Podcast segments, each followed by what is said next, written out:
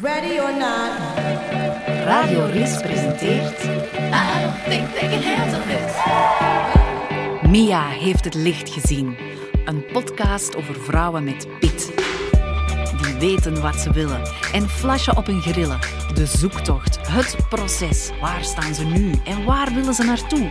Gastvrouwen Catherine Maas en Chantal Boes vullen een bad van vertrouwen. Laat je fascineren door vijf funky nummers en hun persoonlijk verhaal.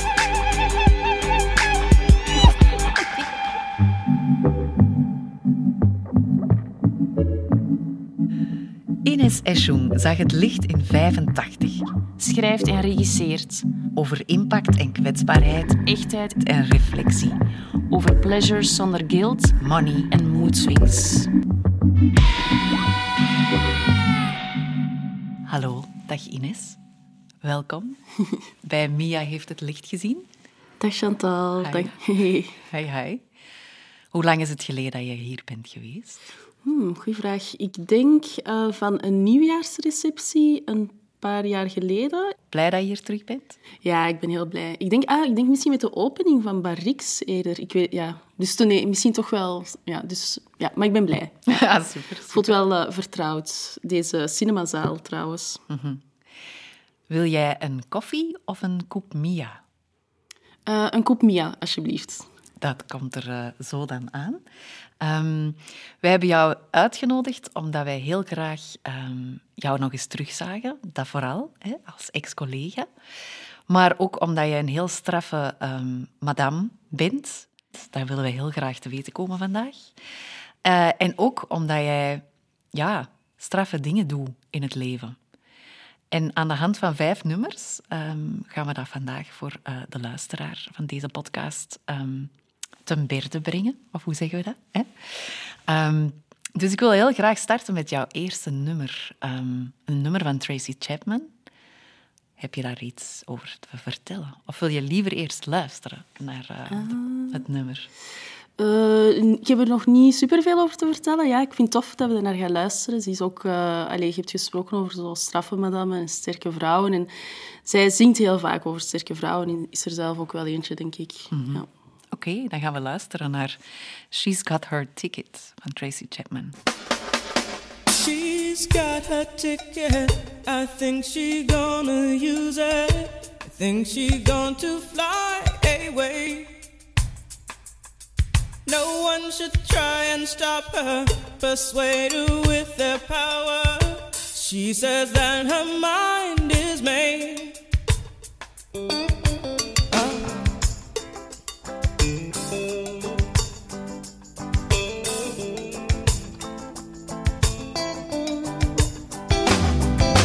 She's got her ticket.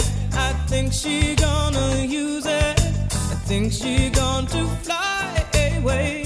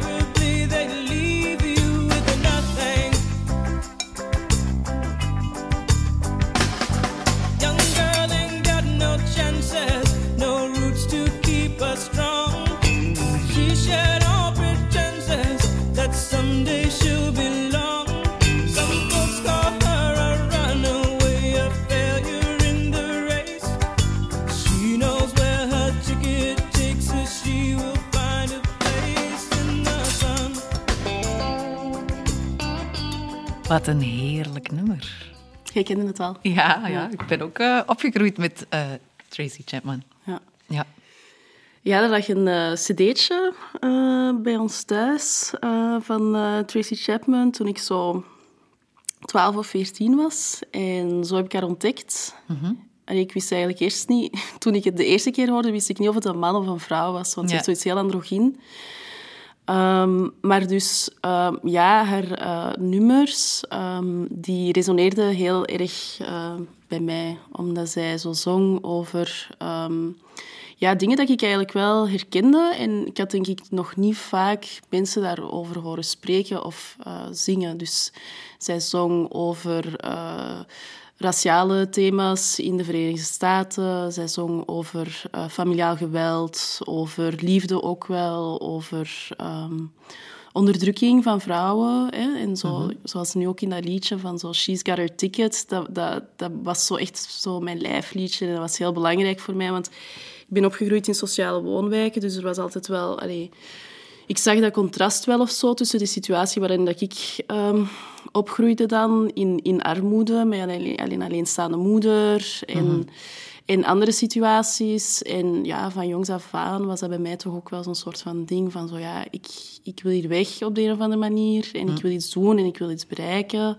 En Tracy gaf, allee, geeft u dan op die moment extra kracht, extra moed? Of- Extra kracht, ja, extra steun. Ik zong eigenlijk ook heel graag. Dus ik zong die liedjes constant thuis. Ehm, ja. En dus ja, ik vind haar eigenlijk echt een, een fantastische artieste of zo. ja. Jij bent op je zes jaar naar België gekomen. Ehm, hoe heb jij jouw lagere school beleefd?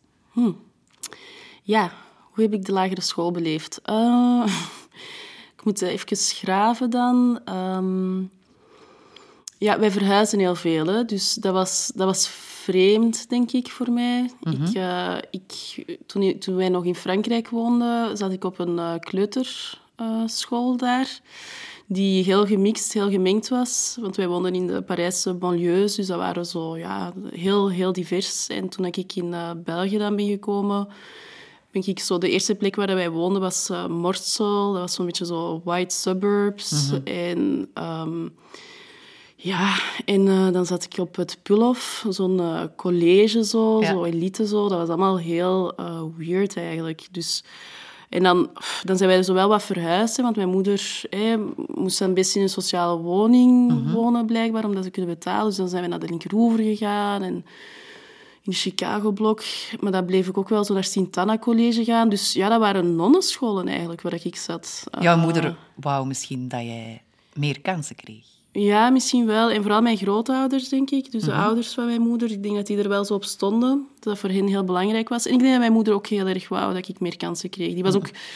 Die was heel streng, hè, dus, eh, want ja, we woonden dan in Antwerpen, maar ik, eh, en ik moest dan Nederlands leren eh, vanuit Frankrijk komende, maar ik mocht geen, ehm, ik mocht geen plat Antwerps spreken thuis. Ik moest ABN spreken, noemde dat dan toen nog. Ehm, algemeen Nederlands, ja, dat was allemaal wel belangrijk. Van, op die manier eh, presentabel te zijn of zo. Maar ik ben er niet per se... Allee, dat heeft mij waarschijnlijk wel dingen opgeleverd en, en, sterk gemaakt om... ehm, ja, van, van dan inderdaad eh, ja, verbaal misschien sterk te zijn.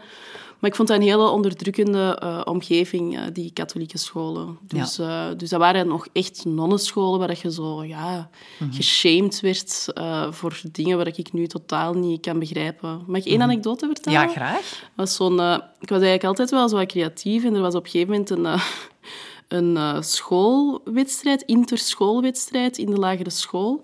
En ik zat dan, ik weet niet, in het vierde leerjaar of zoiets en we mochten allemaal ehm, een worp doen naar een soort van striptekening maken. Het thema was hondjes of zoiets. En, ehm, en dan de beste tekening uit de klas ging uitgekozen worden om ingezonden te worden vanuit onze school of zoiets. En dus eh, ik had mij daar heel serieus aangezet en ik had een eh, stripverhaal gemaakt over twee hondjes die verliefd worden. En op dat moment in mijn leven vond ik dat echt een meesterwerk eigenlijk.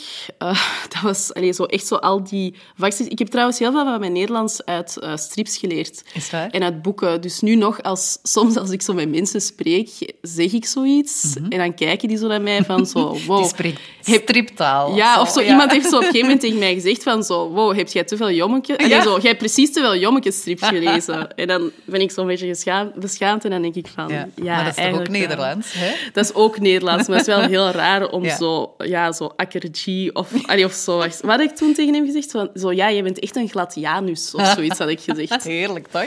Ja, Ja. zwart. Ehm, maar dus, dat stripverhaal dat ik had getekend was, sorry dat ik het zeg, echt goed. Maar ik, dus dat waren twee hondjes die verliefd waren op elkaar. En die kwamen elkaar altijd terug tegen met de eigenaars. Maar die konden niet samen zijn. Dat was een beetje een gedoemde liefde. Maar dan helemaal op het einde van het verhaal kwamen die samen. Maar om te laten zien dat die verliefd waren aan elkaar, had ik die aan elkaar spoep laten ruiken. Dus je zag dan zo die twee hondjes zo snuffelen aan elkaar. Allee, zo, ja. Dus ja, dus dat was echt een schandaal. Dus ik ga dat dan af. Ja, en dan zo kwam die juffrouw zo naar mij, zo helemaal zo rood en zo van slag. En zo van, ja, dat kan toch niet? Allee, dus dat was echt... eh, ik was een eh, duivelskind, eh, precies, omdat ik, een, omdat ik twee honden had getekend die ja, mekaars kont snuffelden. Ja. Dingen Terwijl, uit het ja, leven gegrepen eigenlijk. Uit hè? het leven gegrepen, Ja. ja. Ik snap niet wat het daar mis mee is. Maar ja, als je dus op een katholieke nonnenschool zit, is dat verschrikkelijk. Is, is dat de plek waar dat jij ontdekt hebt dat je wil, wilde schrijven? Nee, eh, dat heb ik eigenlijk... Dat is pas later gekomen. Dus ik was altijd wel zo eh, een beetje introvert en zo tekenen, zingen, eh, dat soort van dingen.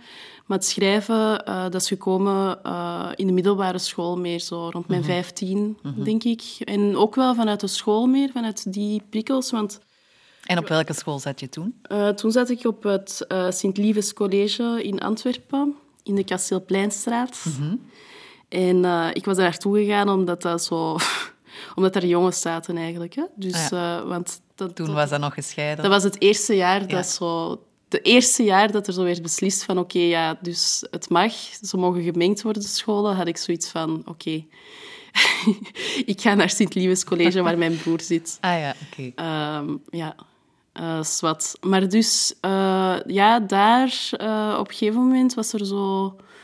Ja, ik, ik had sowieso... Ik, ik volgde Latijn moderne talen. Ik vond dat heel fijn, zo de Nederlandse les, de Engelse les, ehm, Latijn, dat soort van dingen. En op een gegeven moment, tijdens de Nederlandse les, denk ik, was er een opdracht om een soort van gedicht te schrijven. En dat was zo de eerste keer dat ik daarmee in contact kwam. En dan heb ik dat gedaan en kreeg ik zo wat feedback van die leerkracht. Die vond dat heel goed. En ja, dat is zo de periode van lezen en schrijven en dagboeken. En, ja. Ja. Kijk je daar soms nog naar terug, naar dat materiaal van vroeger?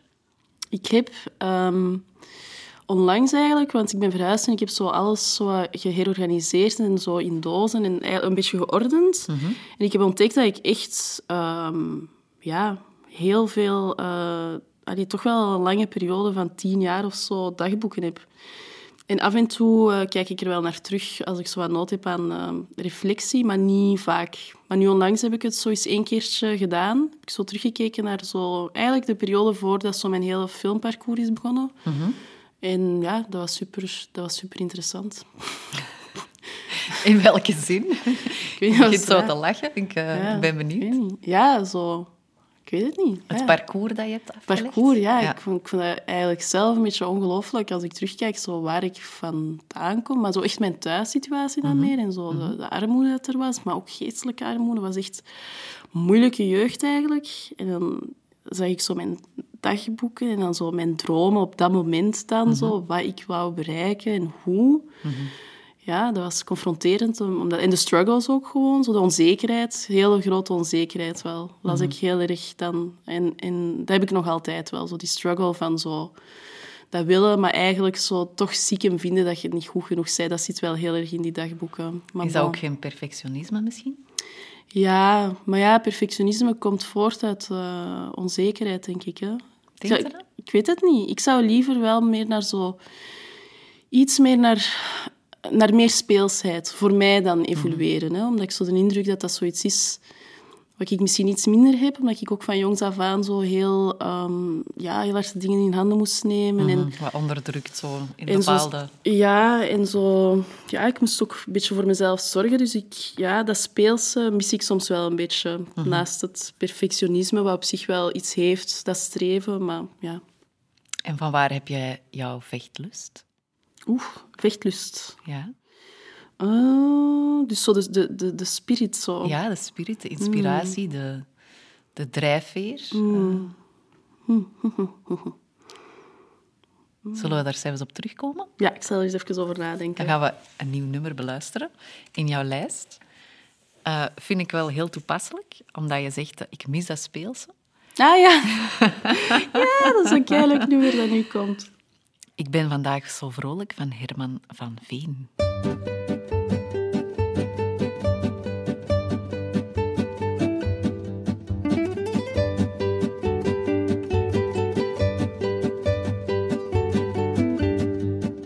Vandaag ben ik zo vrolijk, zo vrolijk, zo vrolijk. Ik ben behoorlijk vrolijk, zo vrolijk was ik nooit. Ik was wel vaker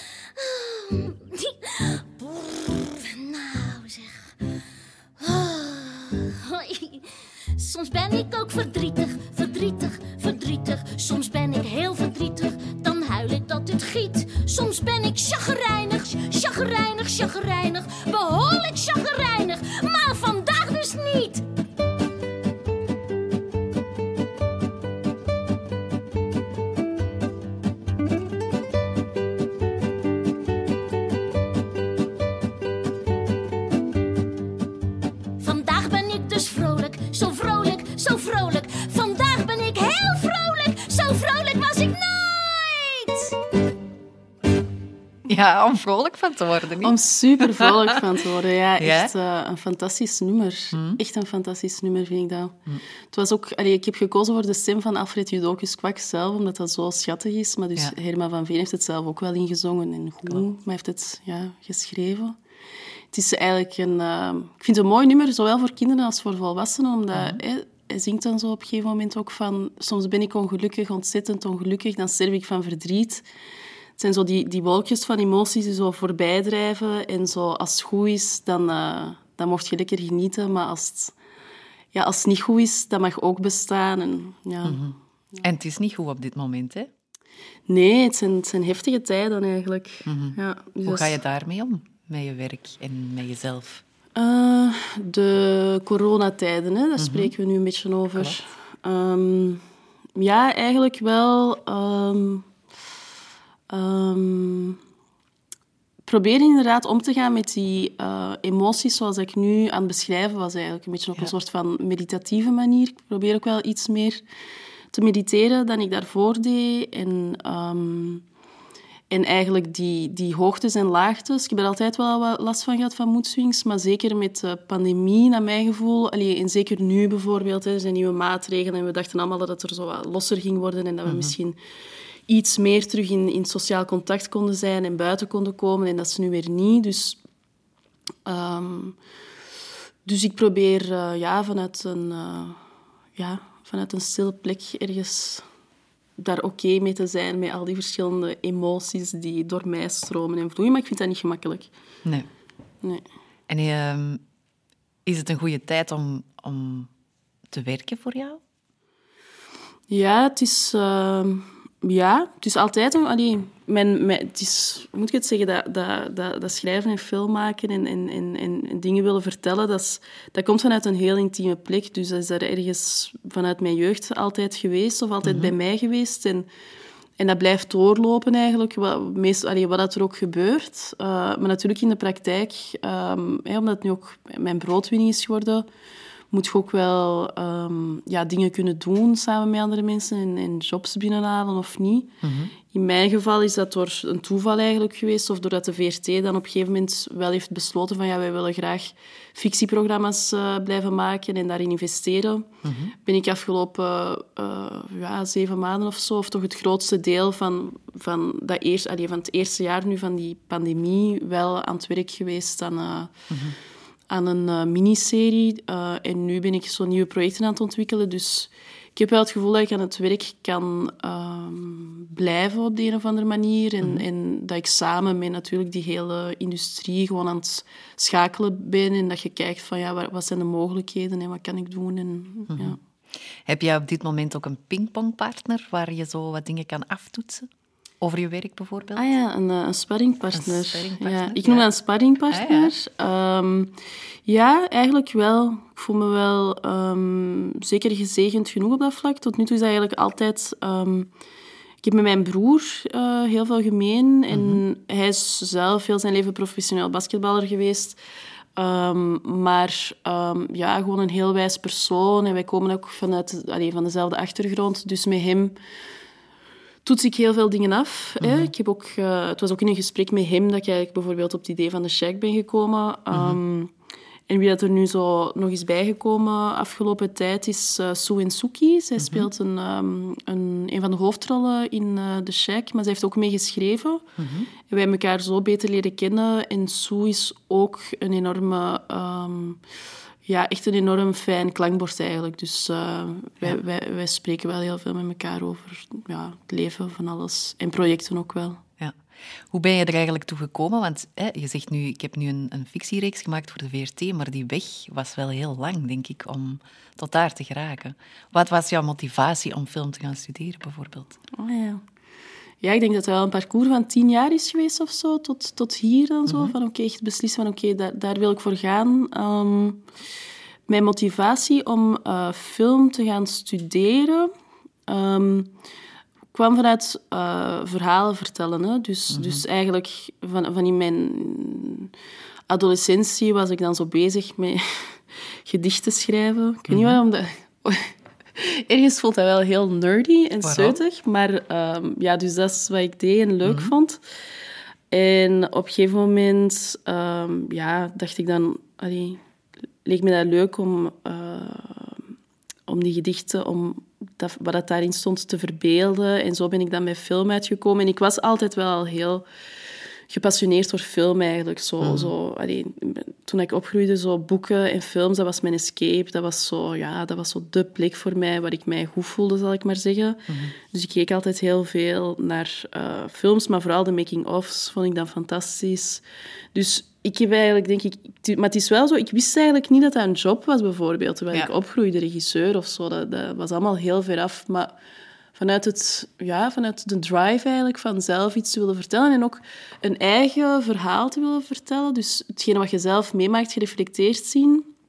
Ik denk dat dat wel een, een, een grote drive is geweest voor mij. Want bijvoorbeeld, zoals ik al zei over Tracy Chapman, om al over de liedjes te beginnen. Dus zij, dat is zo heel intiem. Als je ineens iemand iets hoort zingen, dat je zo van, oh wow, daar herken ik mij iets in. En ik had dat weinig eigenlijk opgegroeid hier in Vlaanderen, dat ik zo dingen zat op tv of weet ik veel wat, waar ik mij in herkende. En daarom dat ik ook eh, dat nummertje dus van eh, Herman van Veen en Alfred Judokis Kwak had gekozen.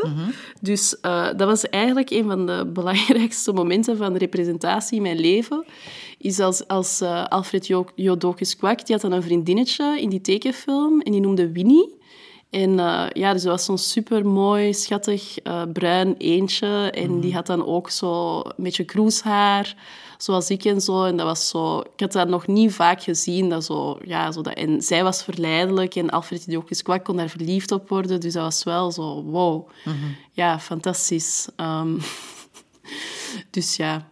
Maar, allee, ja. En nog een drive om, om films te maken en verhalen te willen vertellen, was gewoon ook... ehm, ja, ik wou ook altijd wel zo verhalen vertellen. En zeker in mijn kortfilms ziet je dat van ja, mensen die hun stem ook niet zo gemakkelijk kunnen laten horen. Zoals eh, ja, kinderen, alleenstaande moeders of mensen zonder papieren. Dat soort van dingen was voor mij ook wel eh, ja, belangrijk. Dat kwetsbare, dat zoek je wel graag op, heb ik de indruk.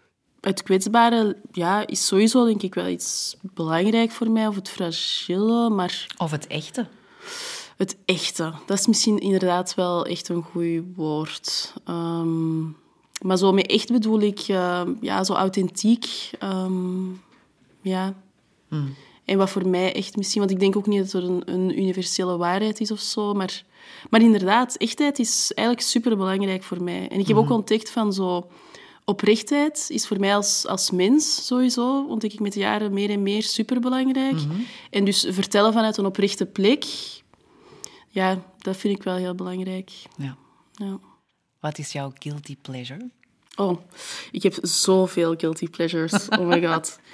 Een van mijn guilty pleasures van het moment is liefde voor muziek.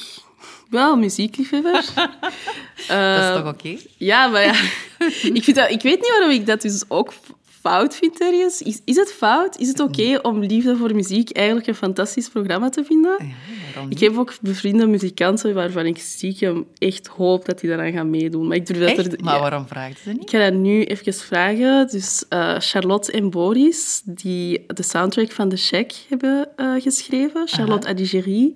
Ik zou dat echt super vinden, moesten die meedoen aan Liefde voor Muziek. Ik vind dat echt geniaal. Dus dat dan zo slagerzangers... ehm, De mix. als- zo de hele mix, ja. Ja, ja, ja. En meestal, en ik ken dan ook vaak zo sommige van die artiesten niet Mhm. als ze eraan beginnen, omdat dat ja, een ander genre is of zo. Maar dus ja, dat is eh, een guilty ple- pleasure. Ja. En zijn er nog? Want je zegt, ik heb er zoveel. Of mogen we ze niet weten? Wat wil je nog graag delen hier? Ehm, Maar ja, Guilty Pleasures hoeft misschien... Ik zou eens... Wat hoeft dat een tv-programma te... Wat zijn nog Guilty Pleasures van mij? Hmm. Ik weet het niet. Ik ga toch niet... Nee. Op zich... Allee, pleasures zijn oké. ik denk dat ik mezelf wat meer moet gunnen, eigenlijk. Dus ik, ik, wil, mijn- ik wil mijn pleasures niet meer als guilty categoriseren, ik zal het zo zeggen. dat is de eerste persoon die dat zegt. dat is heel mooi. We gaan eens luisteren naar jouw eh, volgende nummer. Een nummer van Nina Simone. Ehm, wil je daar al iets over zeggen? Ja, ik wil er wel iets over zeggen. eh, namelijk dat ik heel vaak eh, s s'morgens vroeg... eh, ja, dus als het licht werd, op het einde van, de, van, van het feest... ehm, eh, in Scheltapen op dat nummer heb gedanst. Oké, goed. Dan gaan we eens luisteren.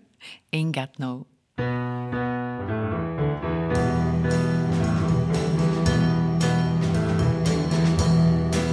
ain't got no home, ain't got no shoes, ain't got no money, ain't got no class, ain't got no skirts, ain't got no sweater, ain't got no perfume, ain't got no bed,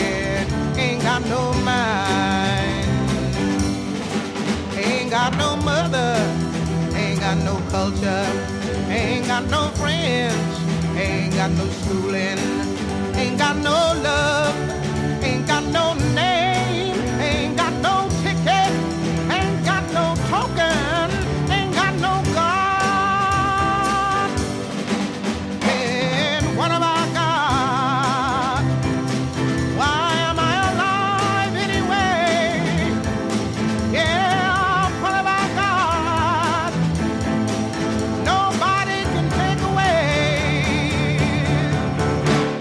my hair, got my head, got my brains, got my ears, got my eyes, got my nose, got my mouth, I got my smile. I got my tongue, got my chin, got my neck, got my boobs, got my heart, got my soul,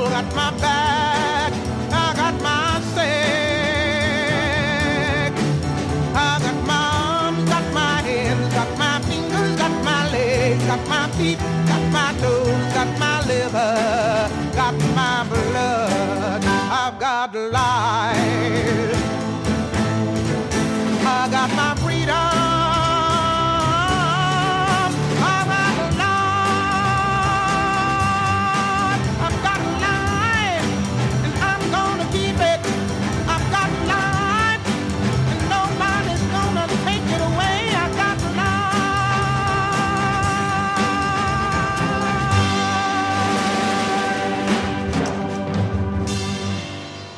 Nina Simone, nog eens zo'n prachtige, straffe madame. Ja, een eh, muzikaal genie eigenlijk. ehm. Eh, en een grote... een, een, een, een trouwe metgezel, zou ik zeggen. Doorheen verschillende, in allerlei ehm, gemoedstoestanden, zal ik zeggen. Of dat je nu heel goed gezind bent, of heel verdrietig, of je hebt liefdesverdriet, of je bent smoor verliefd. Er is altijd wel een nummer van eh, Nina Simone dat dat perfect eh, vat.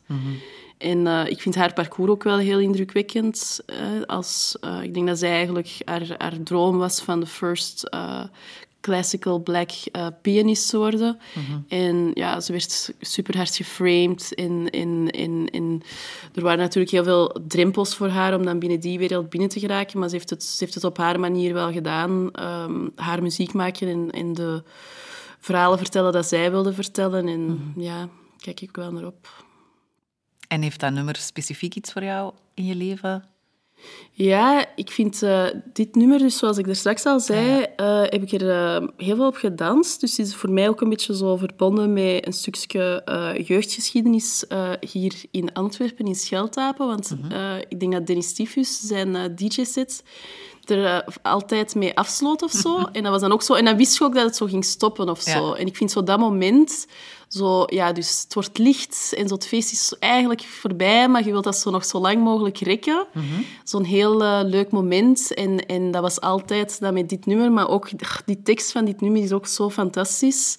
Ehm, ja, er zit ook zoveel wijsheid in eigenlijk. Van, van ik heb misschien niks, ik heb misschien, allee, ik heb misschien geen geld. Of, maar gewoon van ja, ik heb het leven. Dus dat is zo'n viering van het leven eigenlijk. En ja, je hebt wel ja, met alle ups en downs van het leven, ehm, ja, is dat wel een heel sterk gegeven als je dat gevoel, en dat hoeft dat ook niet altijd te vinden of zo, maar als je dat gevoel dan zo vindt van zo, ja, eigenlijk, I got life en, en, en I'm gonna keep it. Gewoon Ja. simpel. Voilà. Heel eenvoudig. Ja. Ehm, van moment naar moment, ja. Ja, ik vind het wel sterk. Ik vind het heel diep, diep Mhm. filosofisch eigenlijk. Hoe sta jij genderwise tegenover cultuur? Wow. Ja, dat is echt eh, een binnenkopper, hè? Wat de hel.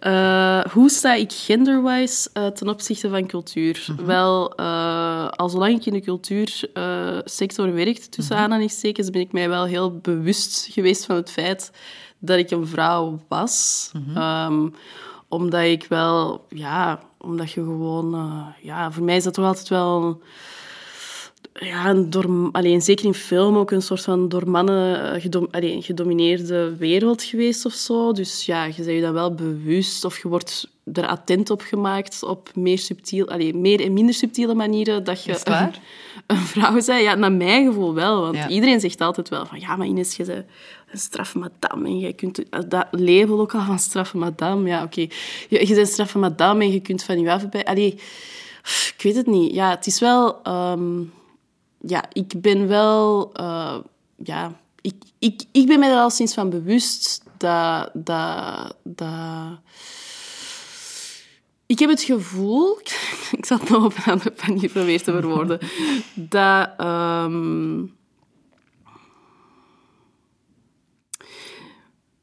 dat het eigenlijk niet zo gemakkelijk is om, om een aantal van, van eh, de kwaliteiten eh, dat ik denk dat ik heb als vrouw en die ook ja, dat ik wel als vrouwelijk zie of zo, alhoewel dat dat ook heel arbitrair is, want ik denk uiteindelijk dat we daar ook wel voorbij aan het evolueren zijn van dat bepaalde eh, kwaliteiten typisch vrouwelijk of mannelijk zijn, maar ehm, het verbindende, het zachte, het, het, het helende, is eigenlijk heel belangrijk voor mij in mijn werk en ook in de manier waarop ik wil samenwerken met mensen. En ah, ik vind dat er in, in, in zo'n klimaat waar het zo heel ja, mannelijk is en ook dat, dat oud model van patriarchaat en wat leidinggeven is en wat sterkte is en zo, ja... Ja, dat is iets waarvan ik denk van, kunnen we daar, eh, kunnen we daar voorbij evolueren en kunnen we, kunnen we iets meer tijd nemen om, eh, om te verstillen, om, om te helen eigenlijk vooral, om, om, ja, om te verbinden, om... Ja, dat even... Ja. Dus ja, ik weet niet, het is een beetje een verward antwoord op uw... ehm, Nee, eigenlijk niet. Want het zegt ook heel veel over jouw werk, voor de mensen die jouw werk kennen of die dat nu gaan leren kennen. Ja, Dat is ook wel een parcours wat je aflegt, niet? ja allee, en ik sta nog altijd vrij hard aan, allee, aan het begin dan ergens, denk ik. Omdat ik heb een aantal kortfilms eh, gemaakt en dan een, een, een kort verhaal geschreven ook. ehm, en, ehm, en dan nu zo echt ja, zo'n een, een, een mini-reeks ja, een eerste, aan een eerste film aan het werken. Ja. Voor mij zijn dat zo... Het, is een, ja, ten- het voelt nog altijd als de eerste stap. Ehm, ja, ik ben... Ik, ik ben mij, ik, ja, goeie vraag. Ik weet eigenlijk niet per se wat mensen dan ja, vinden van... Ja, ik ben er eigenlijk niet zo... Allee, ik weet het niet. Ik denk dat jij jou gewoon ook kwetsbaar durft opstellen om, om zelfs de dingen die je maakt ook kwets- kwetsbaar te maken. Dat klopt wel, ja, ergens. Allee, het is heel dubbel, want zo eigenlijk in het, in het echte leven of zo, ehm, denk ik dat mensen me wel tamelijk afstandelijk ervaren en iemand met hoge muren of zo. Maar het klopt wel dat dat wel zo'n beetje de plek is waar ik ehm, mij misschien kwetsbaar durf opstellen. En, eh, en in dialoog ben dan toch wel met andere mensen. Ja. Eh, En is het dan belangrijk voor jou dat je ook in, in, in een cast bijvoorbeeld ook mensen vindt die dat ook voelen bij jou? Of, of, of, of heb je zoiets van, ja, nee... ehm, Ja, meer en meer eigenlijk ook, eh, merk ik. Hè? Want dat is ook iets waar dat je zeker ook... Hè, dit was een, eigenlijk een eerste grote professionele pro- project, eh, de check. Ehm, en, en daar komen heel veel mensen aan boord eigenlijk hè, in zo'n eh, in, in, in zo'n proces. En, ehm, en ik merk wel, en je maakt het als, als team en als, als, als groep. En, en je leert ook veel over wat je proces is en wat je manier van werken is. En wat dat voor u eigenlijk ja, de beste resultaten oplevert, tussen aanhalingstekens. Of waar dat je in, in gedijt. Of in het Engels hebben ze dat woord zo thrive. Hè? Dus zo, het verschil tussen zo alles aan, allez, zo erdoor geraken of to, to thrive. Also echt zo... En ik merk wel dat... ehm, ik heb een grote klik met mensen die zelf ook hun, hun kwetsbaarheid durven laten zien. En, ehm, of mensen die heel gevoelig zijn ook. Maar dat gaat een beetje samen natuurlijk. hè. Je hebt mensen die, die veel ehm, verstoppen eigenlijk en zich heel hard maken en achter stoerdoenerij. En ook, ja, moet het is natuurlijk ook het model natuurlijk. Hè. Het moet vaak in zo'n filmproductie heel eh, snel gaan en er is geen tijd en het moet maar snel goed zijn. En ja, ik weet het niet. Ik ben daar eigenlijk nu heel erg over aan het nadenken over ja, wat zijn processen waar ik me eigenlijk goed bij voel, zal ik maar zeggen. Omdat Ja. zeker voor tv dingen maken is, is bijna fabrieksarbeid. Hè. Dat, gaat heel, ja, dat gaat heel snel. hè. Een aflevering van de Check is op, hè, wordt op drie dagen hebben dat gedraaid. Hè. Dus nog een ander tempo of een ander ding dan, dan film, cinema. En ehm, ja, het is heel interessant om die wereld te leren kennen en om te zien Of je kwetsbaarheid daarin past. of je kwetsbaarheid daarin past. En ook, ik denk ook, ehm, ja, dat is één ding. Maar ik ben altijd iemand geweest die, die impact heeft willen creëren. En, en die ook de dingen die ik zag dat ik niet zo fijn vind, wil veranderen. Ehm, dus dat zijn, dat zijn de vragen ook een beetje. Hè. Je hebt mensen die ergens die in een systeem stappen en die zeggen van ja, weet je, ik wil eigenlijk hè, zo de forsballen bij wijze van spreken en ik wil zo snel mogelijk, zo ver mogelijk geraken en ik ga het systeem gebruiken hoe het is en, eh, en, en that's it. Hè. En, en ja, dat is hard en ja, dan moet wel eens een keertje over koppel lopen of weet ik veel wat. Maar ik zie de finishlijn en daar wil ik naartoe en bam, keihard. En voor mij zo, ja, de manier waarop is eigenlijk echt heel belangrijk. eh, omdat ik denk dat je zo ook wel dingen kunt ehm, veranderen. Eh, maar daar is inderdaad niet altijd eh, oor naar, of niet altijd tijd voor, of niet altijd... ehm, ja... Dus dat is, het, is, het is inderdaad... Ja, ik vind dat wel een heel terecht punt. Ja, hoe vind je inderdaad zo dat plekje waar je je kwetsbaar kunt opstellen? Ehm, ja. Kwets, ja. Zeker omdat... Ja, voor mij is een, een soort van ding dat nu voor mij heel belangrijk ehm, is geworden. Zeker ook in die red race waarin we zitten. Hè. Mensen werken super hard, ook in de cultuursector. Er zijn veel burn-out, er is veel verdriet. ehm, en ik denk dat het gewoon belangrijk is van zo eilandjes of momenten te vinden waar we kunnen helen, waar we kunnen genezen. Maar, Elkaar opzoeken bij, bij eh, mensen die je, ja, die je graag hebt of die jou graag hebben en waar dat je ja, je kwetsbaarheid mocht tonen. Dat bijvoorbeeld, ja, dat, is wel, allee, dat zal in elke sector zo zijn, maar dat is wel mijn ervaring. Is, als, je dat, als je dat soort van klik hebt op een gegeven moment met mensen, eh met wie je samenwerkt, ehm, bijvoorbeeld, ehm, ja, dan is, dat, dan is dat goud waard. Dan is dat echt iets om, om te koesteren eigenlijk. Hè. Dat, En dat maakt je ook niet elke dag mee. En dat is ook oké. Soms is het ook gewoon zakelijk en, en hup vooruit met de geit. Maar, ehm, maar die gelijkgezinden vinden, dat is iets, eh, dat is iets heel mooi. Maar ik vind het eigenlijk heel dubbel, zo, want uiteindelijk dan... Ja, ik kan me dan zo... Allee, ik denk dat... Ik, mensen zijn ook niet één ding of zo. Hè. Dus mensen zijn contradicties. Dus ja, bijvoorbeeld voor mezelf is dat gewoon... Langs de ene kant is daar inderdaad die enorme nood na- zo, naar connectie en verbinding en kwetsbaarheid. Maar dan langs de andere kant ja, ben ik ook een beetje zo een tough cookie en afstandelijk en hard. En zo die twee dingen zo in balans brengen, dat ook wel een ding is. Maar bon, ja, is wat. Maar stel dat je nu een nieuw project eh, zou mogen doen, wat is dan jouw ideale cast? Hmm, Oké.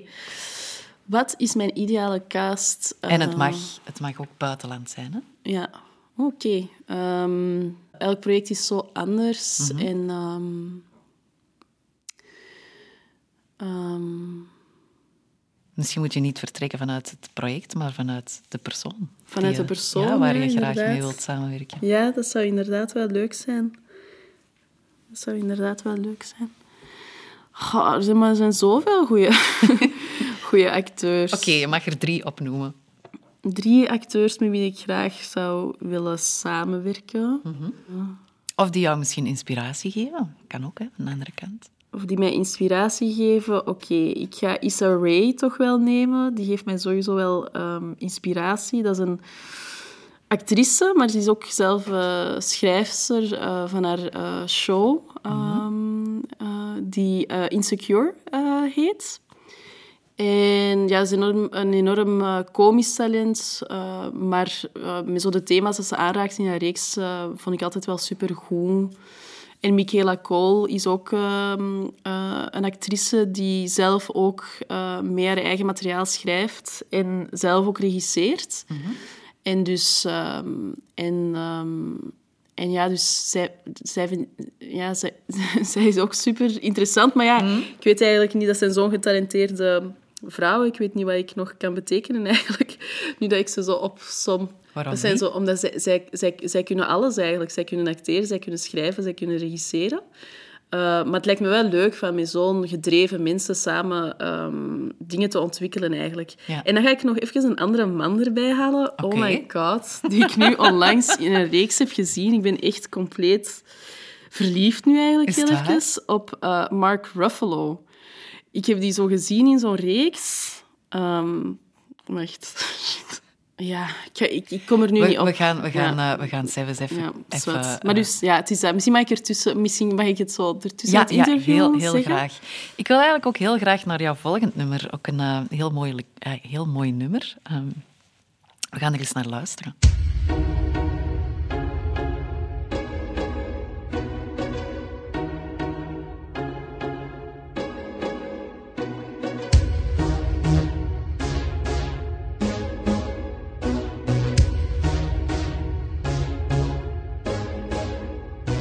Afrique. Ne jugez pas, chaque humain est comme il est. Je ne suis qu'un Afrique. Je veux marcher sur la lune, mais l'avouer c'est m'humilier. Et tous les jours mes frères meurent par centaines et par milliers.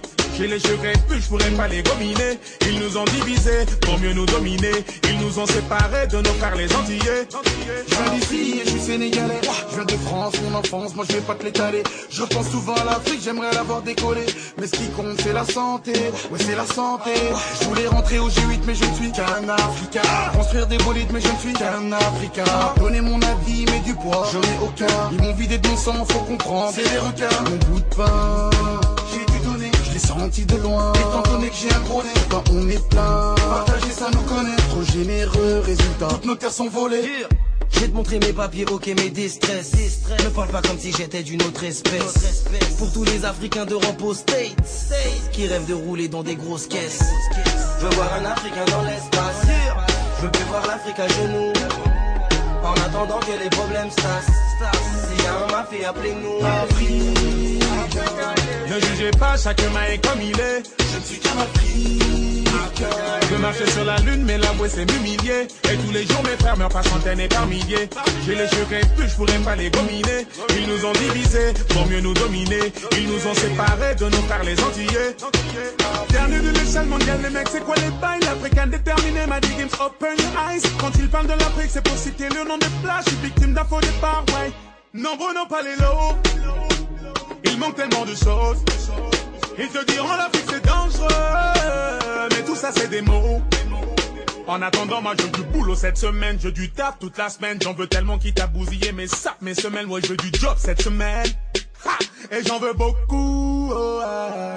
Yo, J'ai pas de crampons mais je rêve de soulever la coupe Je garde le sourire malgré que j'avance dans le doute J'ai vu toutes sortes d'épreuves venir se poser sur ma route C'est sûr que je vais t'en vouloir si je te vois cracher dans la soupe Je africain, m'en veux pas d'être un peu trop rêveur Prisonnier forever. Oui je suis insolite, souvent je ne tiens qu'avec du maro Et si néné, enfin j'y mettrai le prix quel que soit le tarot. Je laisserai pas mettre KO comme le dit Petro c'est Sao yeah, yeah Je m'appelle Mamadou, y a pas plus cramé. Faut venir manger chez moi, pas besoin de programmer. Où est le drame, mec Sais-tu seulement que c'est le neveu d'Abdraman? On a évolué, tout ça grâce à tout ce qu'on a appris dans la madrasa. Quand est-ce qu'on portera le brassard? Le jour où la paix nous embrassera. Africain van Section d'Assaut. Yes. Ja, ik vind het een fantastisch eh, nummer en ik heb er heel vaak naar geluisterd, ook op verschillende momenten in mijn leven. Ehm, ik zei ook daarnet, terwijl het aan het spelen was tegen u, van ik vind het eigenlijk heel ontroerend. Want Section d'Assaut is een collectief van rappers, hè, maar eh, allemaal met, eh, ja, zoals ze zingen in het nummer, een verschillende eh, link eh, met Afrika via hun roots. En ja, ze beschrijven iets wat ik heel erg herken. Hè, dat je zo hier in Europa deel uitmaakt van de Afrikaanse diaspora en, en een connectie hebt eh, met dat continent, of dat je er nu bent geweest of niet. In mijn geval wel. Ehm, ja, dat gewoon heel ehm, ja, sterk is. En zij, zij, zij zingen over verschillende ervaringen eigenlijk van wat dat je eh, meemaakt. Hè, van, ja, ik zal u mijn papier laten zien. Ehm, ja, alle drempels dat je ondervindt eigenlijk. En ook die droom en die wens eigenlijk van... van, van ja, dat de sterkte van, van dat continent en die landen... ehm, eh, ja, dat dat, dat, dat, dat, die, dat dat eruit komt eh, op een gegeven moment. Ehm, want ze Ja. spreken ook wel, denk ik, over, over armoede. En, ja, ja zwart, dus ik vind, ik vind het een heel leuk nummer. En ook zo dat ze zingen van uh, Ils nous ont séparés de nos frères des Antilles, vind ik ook zo sterk, omdat, omdat mijn broer en mijn zus hebben roots in Frans-Guyana, in Dantillen. Dus hun vader komt vandaar. En ik voel mij ook heel geconnecteerd daardoor, uh, zowel met Ghana, het land van mijn vader, maar ook met de Franse Antillen. En ja, dat is, uh, dat is een heel sterk um, gevoel bij mij eigenlijk, zal ik maar zeggen, van deel uit te maken van die Afrikaanse diaspora en van daar ook verhalen over te willen vertellen of met te willen vertellen of een impact te creëren dat positief is op dat vlak. Ja. Zou je ooit naar de Franse Antillen willen gaan wonen of naar Ghana? Om daar... Uh, dat weet ik eigenlijk niet. Ik ben, uh, ik ben in Ghana wel geweest ondertussen twee keer. Mm -hmm. uh, ik zie mezelf daar niet direct wonen. Nee, eigenlijk niet. Um, het was ook heel heftig eigenlijk om daar naartoe te gaan. Dat is ook een plek waar nog altijd heel veel... ja, waar gewoon heel veel armoede is en heel veel ongelijkheid. Het was vooral chockerend voor mij om te zien ja, hoe, mm -hmm. dat, hoe, dat, hoe dat de wereld in elkaar zit en, en hoe dat...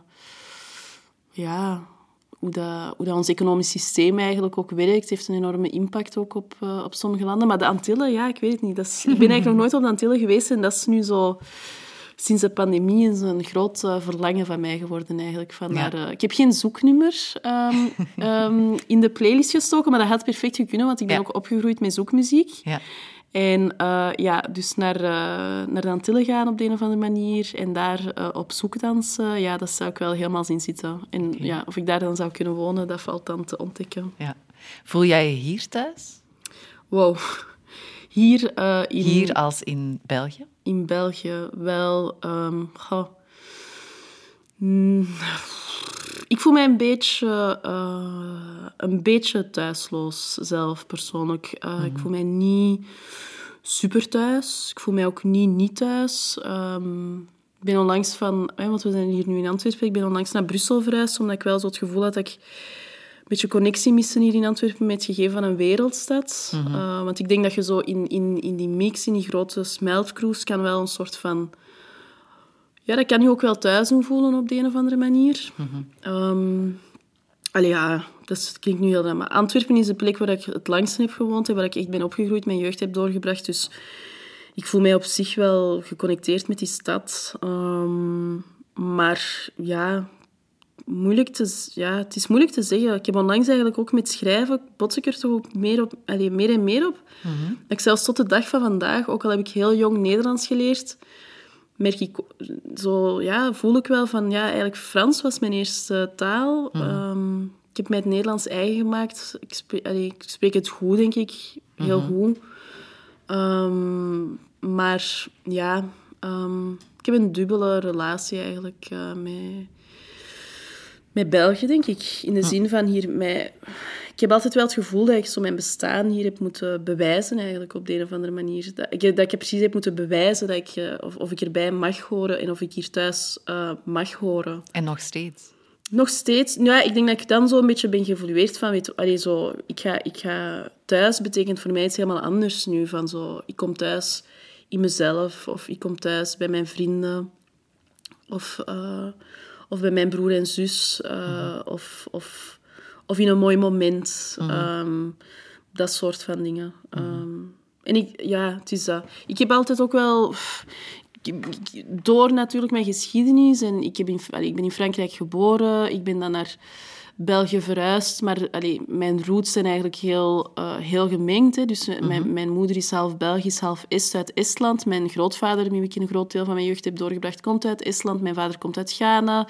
Ze hebben allemaal op hun manier een heel complex en, en, en heel verscheiden migratieverhaal of zo. Dus voor mij was nationaliteit altijd zoiets heel ja, zoiets heel arbitrair. Eh, Iets waar we misschien voorbij kunnen evolueren ook op een gegeven moment. Ehm, dat, verha allee, dat verhaal. Ehm, maar dus door, allee, als ik het nu zo opsom... Ik voel mij wel he- heel Europees op de een of andere manier. Misschien iets breder dan België. Door, ja, door, zo, door die contrasten eigenlijk, denk ik van... Wow, dat zijn toch wel heel veel verschillende geschiedenissen van Europa die in één persoon samenkomen. Die koloniale geschiedenis, hè, zo, eh, mijn vader in Ghana dan, maar dan Oost-Europa.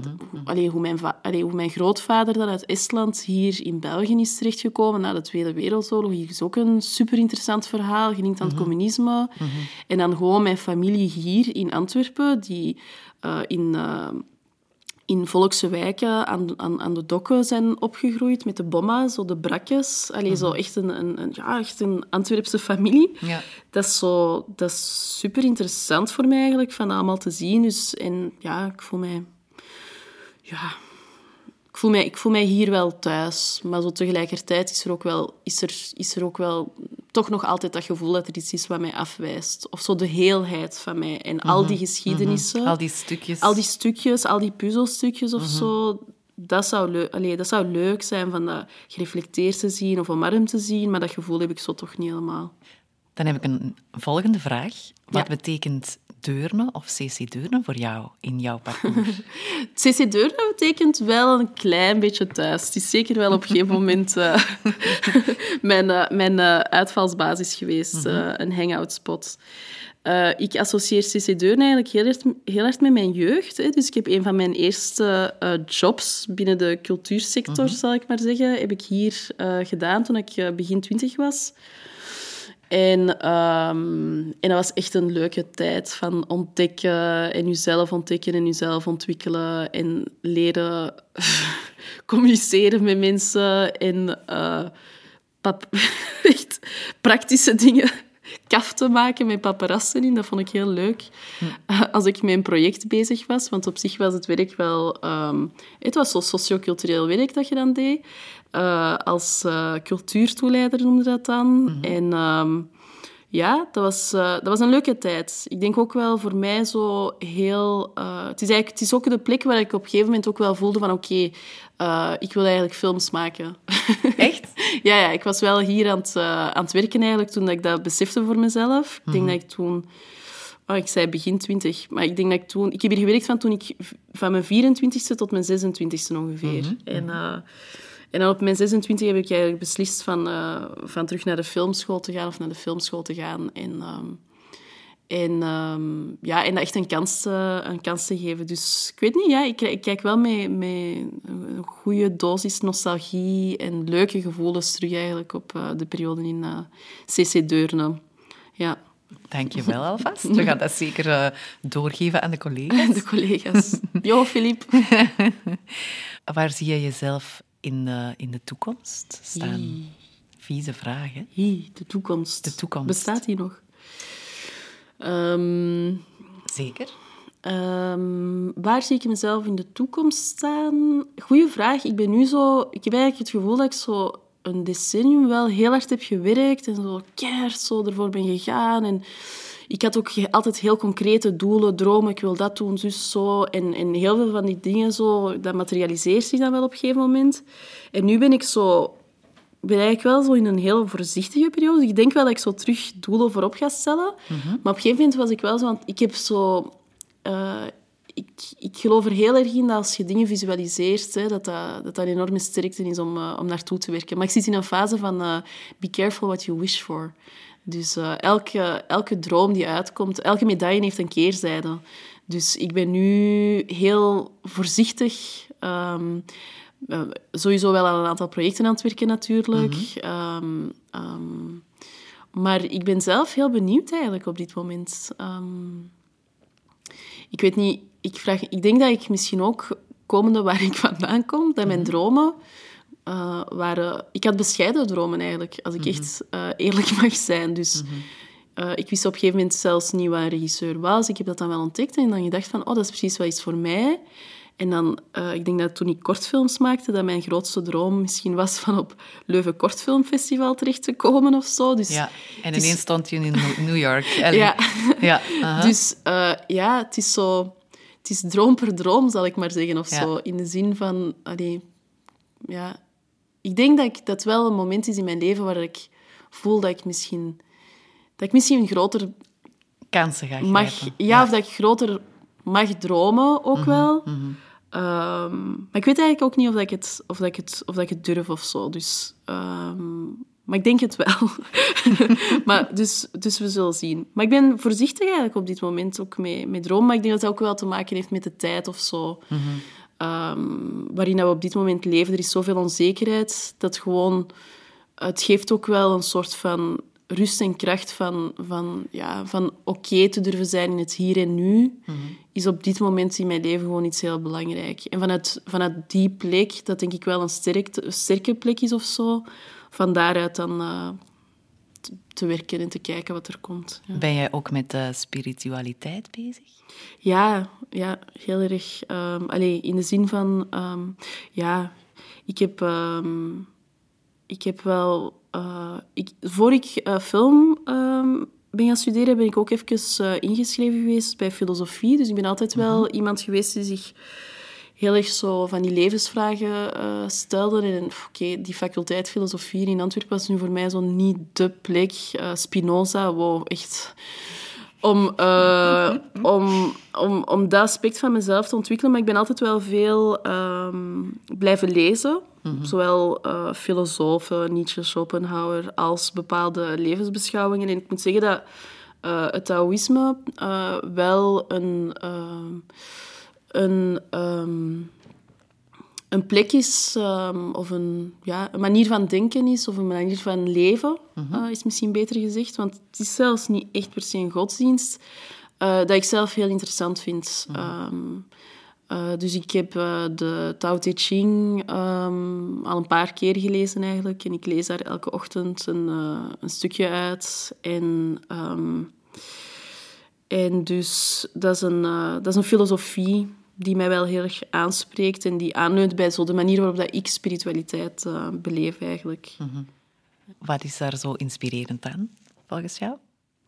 Ik denk na zoveel eh gelezen te hebben en allee, eh, boeken verslonden te hebben en films bekeken te hebben en filosofieën en mensen horen spreken, Taoïsme is heel kernachtig. Dus dat zijn eigenlijk, vertelt dat met heel weinig woorden, hele essentiële dingen over het leven. Dus dat is eigenlijk al heel straf. En het vertelt ook heel erg over de tegenstellingen in het leven, maar die, die samen elkaar in balans houden eigenlijk. Dus over de yin en yang van het leven. En ehm, ja, dat, dat spreekt mij aan. ja. Balans in je leven. Ja, en ook balans in mijn leven. En we leven ook in tijden die, hè, die heel... ehm, een beetje een modewoord, maar het is wel echt zo heel gepolariseerd zijn hè, in de media en social media en de debatten. En ehm, het gaat voorbij een soort van moralisme ook, van links en rechts en goed en slecht. En het, het, het, ja, het connectie maken met iets wat, wat daar aan ontstijgt, aan ontsnapt. Wat ook echt een essentieel is, ding is van ons leven, maar waar we soms denk ik te weinig bij stilstaan. We gaan over naar het volgende nummer. Yes. Een nummer van Ramses Shaffi. Ja, Ramses. Ja. Ramses is cool. Voor degene in zijn schuilhoek achter glas. Voor degene met de dicht beslagen ramen. Voor degene die dacht dat hij alleen was. Moet nu weten, we zijn allemaal samen.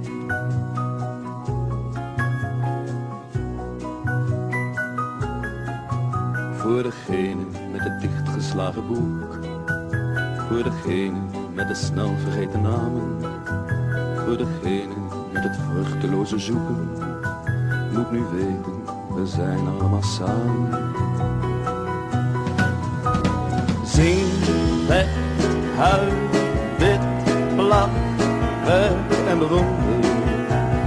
Zing, weg, huil,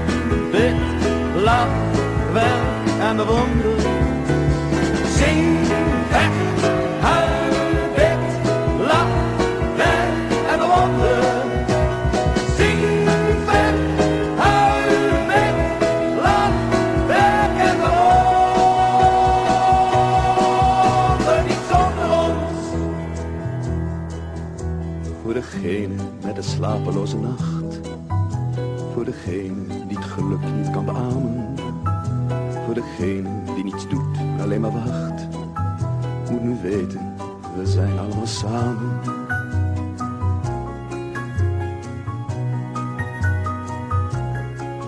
Voor degene met zijn mateloze trots. In zijn risicoloze hoge toren. Op zijn risicoloze hoge rots. Moet nu weten, zo zijn we niet geboren.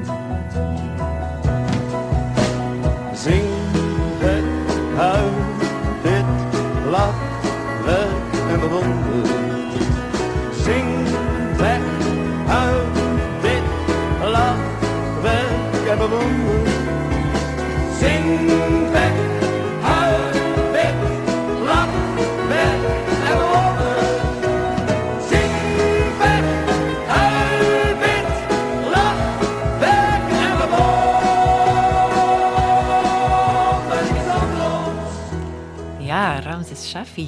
Ja, Wat betekent dat voor jou?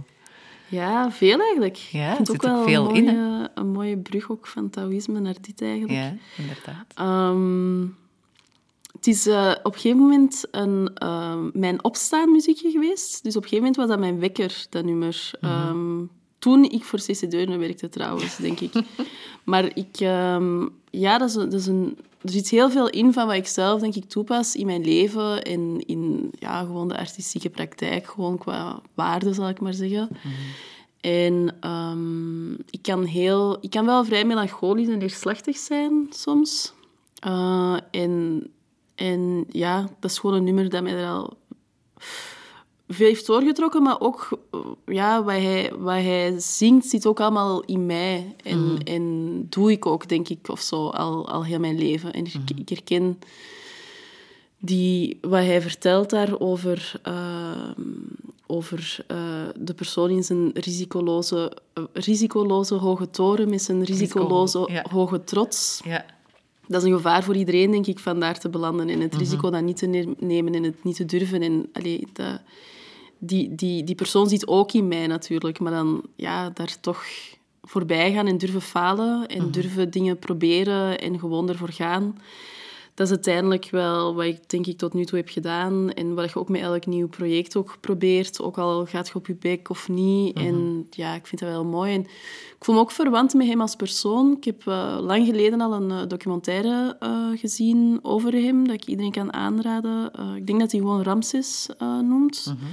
Dat was ook een heel... ehm, ook een zoeker eh, geweest heel zijn leven. Eh, ik denk dat hij trouwens ook in Frankrijk is geboren en dan een beetje eh, ontheemd een beetje is geweest. Dus in een, in een pleeggezin is terechtgekomen in Nederland op vrij jonge leeftijd. Hij heeft Egyptische roots, maar is dan in Nederland ehm, ja, eh, groot geworden, volwassen geworden. Dus zo die, die, eigenlijk die gemengde roots of zo. Dat, dat, ja, er is een soort van melancholie in, in al zijn liedjes trouwens. Dat is ook wel een man van zo, hè, de levensliederen, zo, die laat me. Een soort van melancholie, een soort van eenzaamheid, maar tegelijkertijd extreem op zoek zijn naar verbondenheid, dat ik echt wel herken in hem. Ja. En in mijn parcours ergens ook wel. Ja. Ja.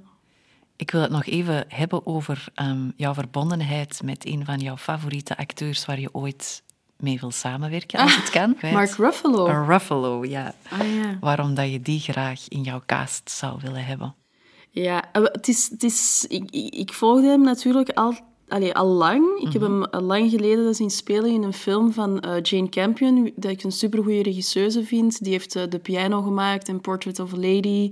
En die heeft op een gegeven moment een film gemaakt die veel minder eh, bekend is, In the Cut.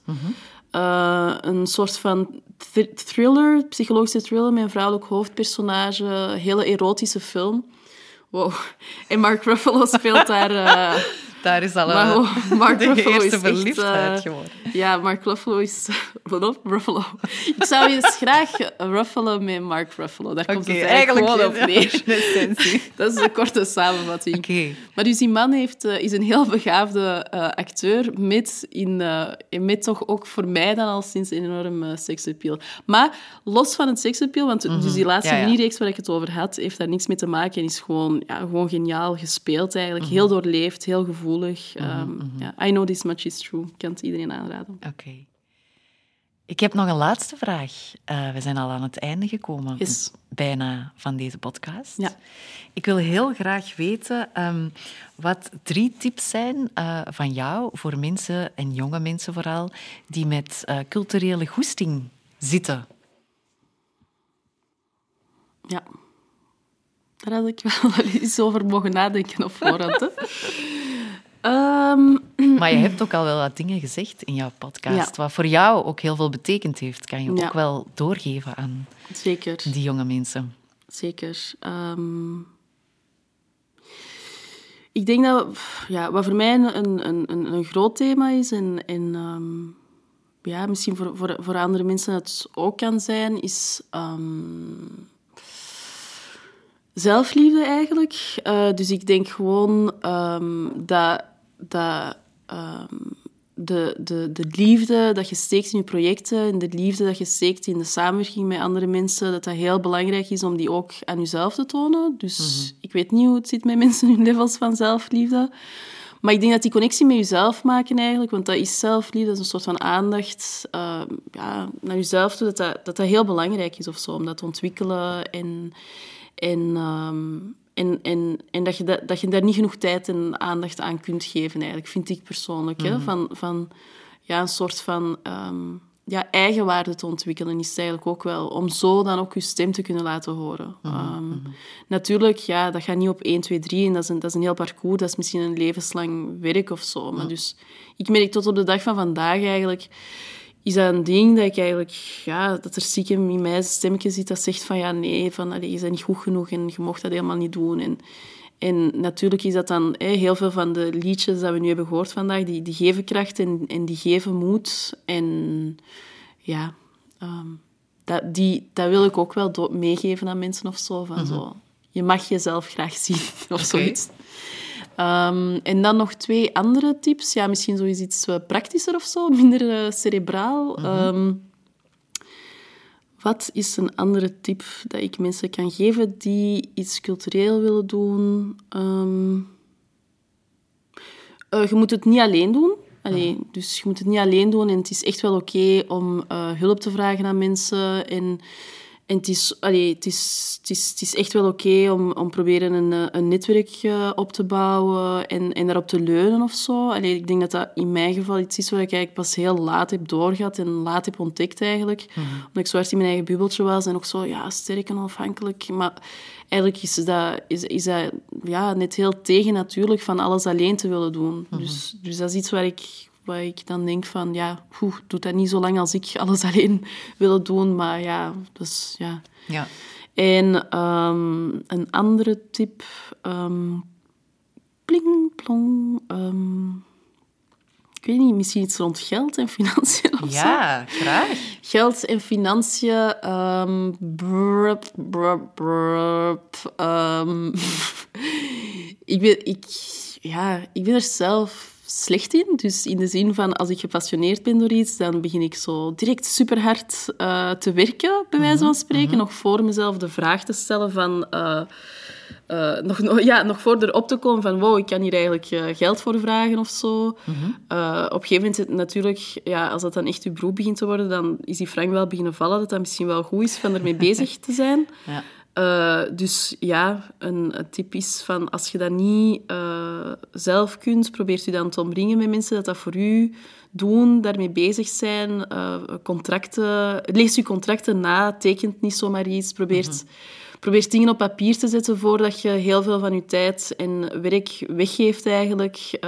Een, een samenwerkingsakkoordje of dat soort van dingen van ja, wees er toch maar een klein beetje mee bezig, want dat is, dat is ook een vorm van, eh, van zelfzorg. En je gaat er... allee, de kans is heel klein dat je er rijk van gaat worden. Ik denk dat niemand allee, van de mensen die hier geweest is, maar misschien wel, I don't know. Maar dus, allee, is, is, niet, je, gaat, doen wat je graag doet, maar ja, een beetje zelfzorg op vlak van eh, contracten en financiën en, de zakelijke kant, dat is ook wel goed van daar mee bezig te zijn. Maar ja, nee, dat is eigenlijk basically zijn soort van to-do-lijst dat ik nu heb opgesomd van drie werkpuntjes voor mezelf. Super, was een mooi bruggetje naar het volgende stukje van dit programma. Ehm, jij bent jarig op 18 juni. Oh, wow, ja, inderdaad. Ja, en wij lezen ook voor elke gast die hier al geweest is uit het grote horoscopenboek. Mm. Ehm, en jij bent geboren op de dag van de financiële zekerheid. Nee, echt? Echt waar. Dat is waar ik al heel mijn leven naar verlang. Dus dat, dat komt nog. Eh, misschien, misschien. Ik Oh, ga jou eh, eh, een beetje daaruit voorlezen. Heerlijk. Ehm, jouw sterke kanten zijn levendig, goed met geld en invloedrijk. Oké. Klopt dat een beetje? Of? Eh, levendig, eh, goed met geld En invloedrijk. invloedrijk. Ehm, ik denk het eerste, levendig. Ik heb wel een dubbele relatie altijd gehad met het leven aan zich. Maar eh, ik denk door die worsteling dat ik op de een of andere manier wel levendig ben. En ehm, eh, het tweede, Mhm. eh, het eh, geldverhaal. Dus goed met geld staat er. Ja. Mhm. Veel geld, niet, maar goed met geld. Goed met geld. Ben ik goed met geld? Goh. Geld zou me goed doen. Goed zijn. goh, ik, ik, kan, ik, kan, ik, ik, ik, ehm, ik kan er weinig over zeggen. Ik denk dat dat iets is waar, waar ik wel eigenlijk heel graag comfortabeler rond zou worden of zo. Want Ja. Ik ben zelf opgegroeid waar het er niet veel geld was. Dus dat is zo, wow, als, als er daarover gesproken moet worden, dan voel ik schroom, dan word ik bang, dan krijg ik hartkloppingen en zo. Dus wie weet komt het er op een dag van. Ik zou het fantastisch vinden om goed met geld te zijn. Voilà. Jouw zwakke punten zijn er ook, volgens dit boek. Eh, grillig, rusteloos en manipulatief. Hmm, interessant. Eh, grillig en eh, rusteloos, daar, eh, daar voel ik mij wel... Ja, dat, dat wel een belletje rinkelen op de een of andere manier. Ehm, manipulatief, ja, ik weet het niet. Ik denk wel, het is wat we er straks ook zeiden, van elke medaille heeft een keerzijde, dat is Taoïsme ook. Dus, dus elke goede eigenschap heeft, heeft misschien ook een, een, een negatieve keerzijde. Ehm, ik ben soms heel principieel, dus soms vind ik dat je zo principieel zo dingen niet mocht doen en je moet een supergoeie persoon zijn. Dus nu, zo initieel, als je zo zegt manipulatief, dan denk ik van nee, dat is echt niet oké om manipulatief te zijn en ik zou dat nooit willen zijn. Maar ja, ik weet het niet. Soms denk ik ook van, ja, misschien allee, is, dat, is dat een slecht, allee, is, ja, eh, is dat een slechte eigenschap? Ik weet het niet. Voilà. Ik heb ook nog een beetje advies vanuit het boek. Breng de verschillende aspecten van je leven bijeen. Gebruik je krachten op elk afzonderlijk gebied. Tracht je minder goede karaktereigenschappen kwijt te raken of ze tenminste te begrijpen. Trek je af en toe terug. Toch mooi Ja, dat is wel echt mooi. om mee te eindigen, niet? Jazeker. Ja, absoluut. Oké, Ines Eschon, dank je wel voor deze fijne babbel op eh, Mia heeft het licht gezien. Yes, dankjewel voor de uitnodiging. Graag gedaan. Jij en de rest van de ploeg. Dank je wel. Dag. Dag.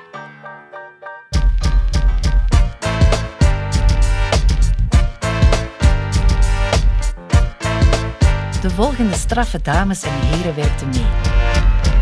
Concept, regie, montage en communicatie Katrien Maas. Gastvrouw en stem Chantal Boes. Opname, montage en mix Peter Boots. Bumpers Wouter Dupont. Luisterend oor Carolien van Ransbeek, Maarten Loos en Philip Baaiens. Alle afleveringen zijn te beluisteren via www.ccdeurne.be.